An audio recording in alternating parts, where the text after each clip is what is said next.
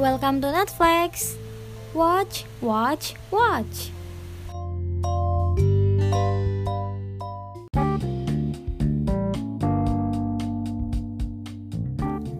Hey guys, welcome to Netflix, aka my very first podcast.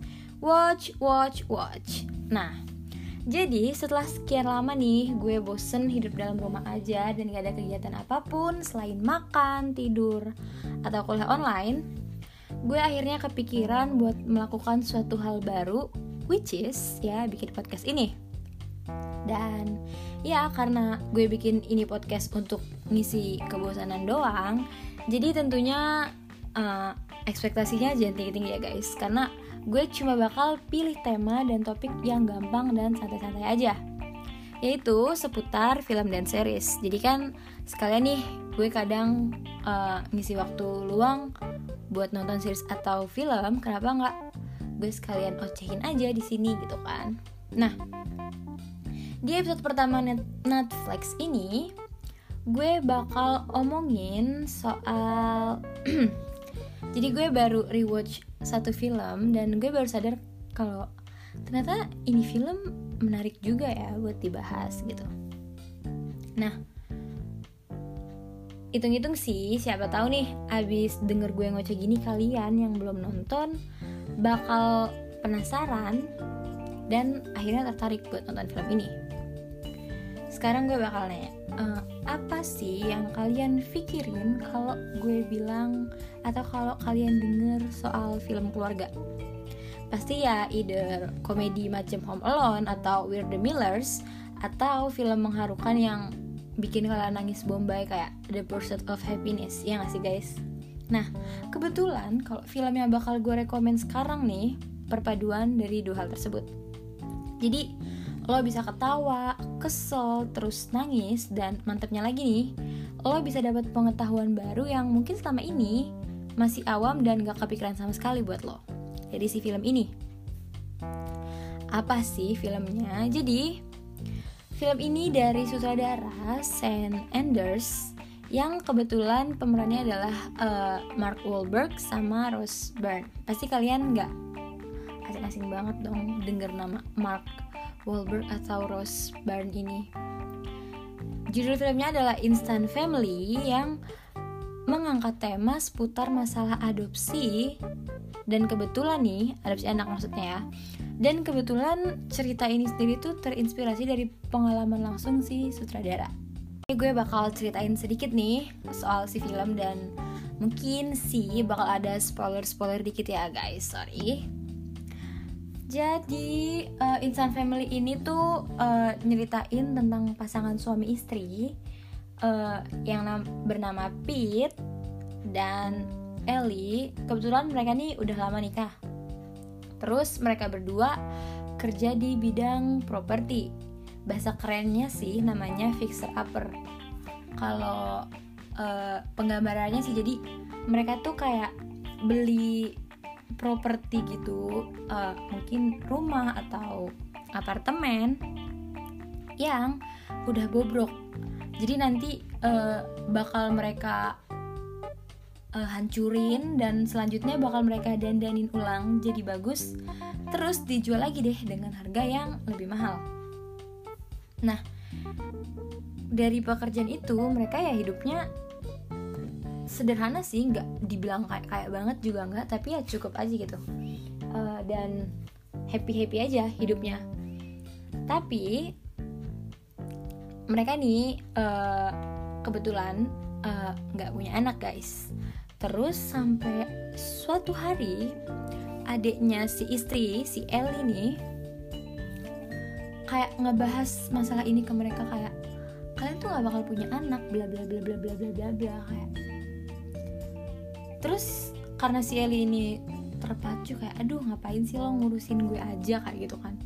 Terus dia tertantang dong kayak oke okay, gue gue dan suami gue bakal punya anak nih kita bakal adopsi anak gitu kan. Terus ya udah deh dia buka deh buka deh tuh situs adopsi. Sementara si Pete suami tadinya ya nggak pernah kepikiran buat uh, alternatif lain punya anak which is adopsi itu loh. Jadi mau nggak mau dia harus ngikutin keinginan si istri. Karena dia kayak agak bucin gitu sih guys sebenarnya. Terus ya akhirnya sering searching searching uh, melancar di situs-situs soal adopsi anak mereka berdua ketemu sama dua orang pekerja sosial yang kerjanya tuh ngebimbing orang tua untuk adopsi anak yang bernama Karen diperankan oleh Octavia Spencer dan Sharon yang diperankan oleh Tik Notaro. Tik Notaro, sorry, salah sebut. nah, kayak yang udah gue bilang tadi nih di awal, kalau film ini bakal ngasih kalian beberapa info terbaru soal hal-hal yang masih awam atau nggak pernah kepikiran buat kalian ketahui dimulai di sini. Jadi setelah Pete dan si Ellie ini ketemu si dua orang tadi dan mereka udah ngasih tau nih niat mereka untuk adopsi anak lalu mereka kayak ikut perkumpulan gitu guys. Kalau kalian pernah nonton di film ya kayak perkumpulan yang orang duduk melingkar gitu terus kayak ngobrol-ngobrol-ngobrol-ngobrol-ngobrol kayak gitu. Tapi sebelumnya kayak dikasih pembinaan atau pembimbingan dulu oleh si dua orang tadi si Sharon dan si Sharon dan Karen tadi. Kayak mereka kasih tahu dulu nih apa sih susahnya jadi orang tua asuh terus kayak nanti bakal banyak banget loh anak-anak yang bakal kalian adopsi ini kayak sifatnya tuh bener-bener bakal unexpected mungkin bener-bener di luar dugaan kalian kayak kalau kalian bener-bener mau kayak harus prepare semua dari finansial, mentally, emotionally kayak gitu guys. Terus kayak dikasih juga nih contoh uh, orang tua yang sudah mengadopsi anak dari kecil sampai gede kayak gitu kan. Setelah itu, hmm, mereka juga si Sharon dan Karen ini kayak udah wanti-wanti dari awal kalau biasanya orang-orang mau adopsi anak ini lebih milih mengadopsi anak-anak kecil dibanding eh, anak-anak uh, yang udah gede atau remaja gitu loh dan ya si Pete sama Ellie tadi akhirnya setelah dari semua masa-masa pembinaan itu sampailah mereka ke titik kayak ada gathering gitu nih guys. Dibikin semua orang yang mau orang tua yang mau adopsi tadi datang ke acara tersebut which is di acara tersebut nanti semua anak panti itu ada kayak dibe dibiarkan bebas gitu. Jadi sih orang tua yang berniat mengadopsi ini bisa mantau-mantau yang mana ya yang mau gue adopsi atau kayak gitu. Jadi semacam orientasi gitu sih acara orientasi menurut gue. Nah si Pit Eli ini kan memang awalnya mereka tuh ya kayak orang tua lain mereka maunya adopsi anak kecil. Tapi kebetulan nih mereka ngeliat ada satu anak cewek umur 15 tahun yang kayaknya tuh bener-bener lincah dan pinter banget sampai mereka tertarik dan memutuskan untuk oke okay, kita bakal adopsi anak ini aja biarpun dia udah remaja kayak gitu kan terus pas mereka kasih tahu hal ini ke si Karen dan Sharon, Karen dan Sharon bilang kalau anak tadi yang namanya tuh Lizzie guys. Si Lizzie ini punya dua adik, cewek cowok. Namanya Huan dan Lita. Dan yang kebetulan kalau misalnya lo mau adopsi si Lizzie ya bawa juga adik adiknya. Jadi langsung dapat tiga gitu loh guys. Awalnya mereka kayak menimbang-nimbang sih mengingat juga gimana sih Karen dan Sharon ini udah ngasih tahu perangainya si tiga anak ini mereka sempet kayak apa nggak usah ya? Ah tapi kan udah bilang ke si adik dan keluarga kalau gue bakal adopsi. Akhirnya mereka memutuskan untuk adopsi ketiga orang ini. Dan di sini nih mulainya semua petualangan dari ketawa, nangis, dan kesel-keselnya mereka. Buat gue sendiri, nilai plus dari film ini tuh penampilan setiap tokoh yang bener-bener kuat dan berkesan banget sih guys. tokoh terkecil kayak anggota-anggota perkumpulan orang tua adopsi lain atau keluarganya si Eli, ibunya, adiknya, bahkan uh, keponakan-keponakannya ataupun temen-temennya dari si Lizzie sama nyokapnya si laki si suami si Pete semuanya tuh kayak menurut gue penting dan menimbulkan apa ya namanya? Kayak lo bakal inget aja sih sama mereka dan kalau dari gue sendiri peran mereka tuh memang dimunculkan nggak buat ngisi plot hole doang kayak memang ada maksudnya dan nyampe gitu aja lah. Deh di buat keseluruhan si cerita sendiri. Tapi uh, kali ini gue bakal fokus nih sama lima tokoh utama yaitu si Pete, Ellie, Lizzie, Juan, dan Lita.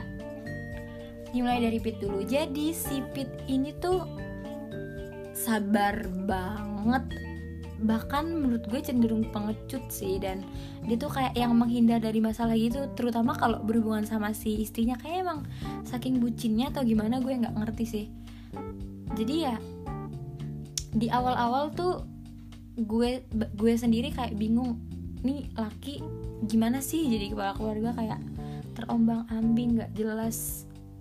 Kayak set dong keputusan lo apa kayak kekesalan gue begitu ke dia terus selanjutnya istrinya yaitu Eli Se uh, sementara si lakinya ini kayak sabar dan pengecut Eli ini tipe yang uh, tegas terus perfeksionis abis dan keras kepala. Parah sih.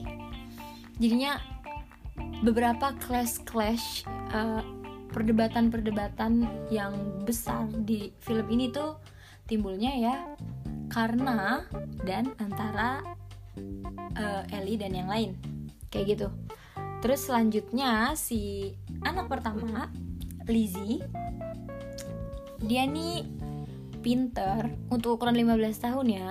Terus mandiri abis ya soalnya selama ini dia ngurus kedua adanya jadi dia tuh kayak in hmm, apa ya kayak bener-bener merasa punya tanggung jawab besar loh ke adik-adiknya guys kayak aduh hidup gue pokoknya untuk adik-adik gue. Kayak gitu. Tapi dia sendiri aslinya pemberontak abis karena uh, masa lalunya yang masa lalunya yang ini berhubungan sih sama kenapa dia ada di si panti asuhan itu. Yang nggak bakal gue bahas karena nanti bakal jadi spoiler. Terus uh, adik pertama dari Lizzie yaitu si Huan Huan nih sensitif abis bener-bener emosional dan kayak penakut.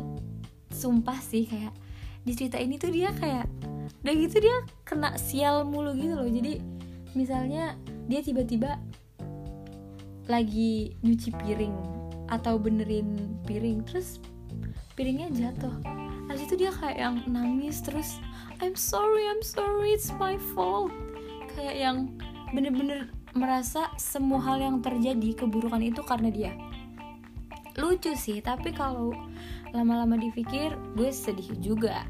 Uh, kayaknya kalau begitu terus di masa depan mungkin si Huan ini butuh terapi sih untuk menghilangkan inferiority itu.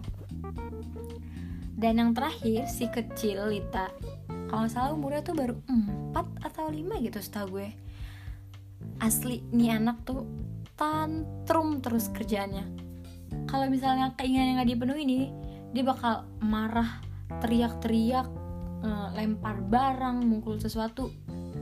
Yang uh beberapa kali sepanjang gue nonton film sejujurnya bikin kesel abis.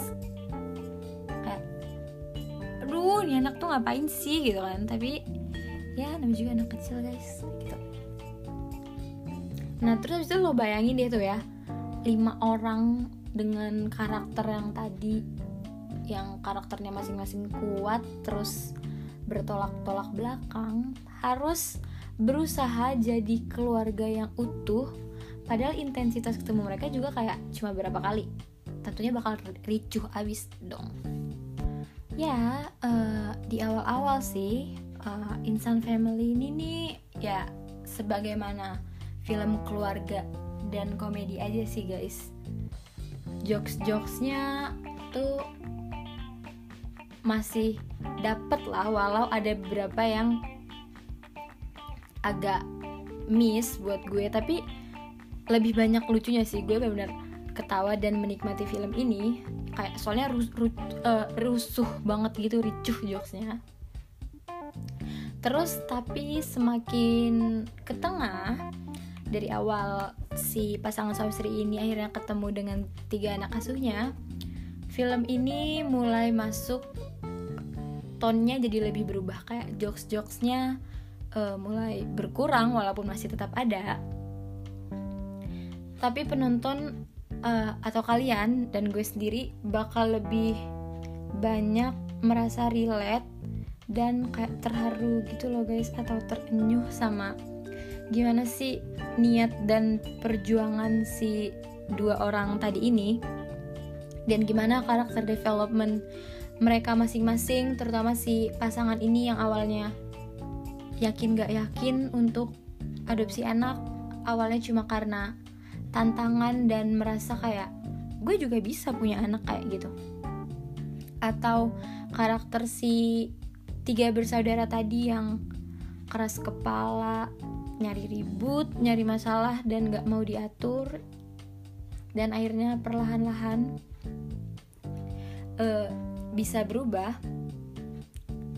Jadi kayak so jadi kayaknya sih menurut gue pekerjaannya si Peter sama Ellie ini lumayan sebagai gambaran gimana mereka berusaha meng apa meng, menjadi orang tua yang layak untuk tiga bersaudara tadi pekerjaan mereka kan mengambil eh kayak beli properti-properti yang hancur terus sama mereka diperbaiki. Mungkin menurut gue si sutradara ini pengen merefleksikan di situ sih.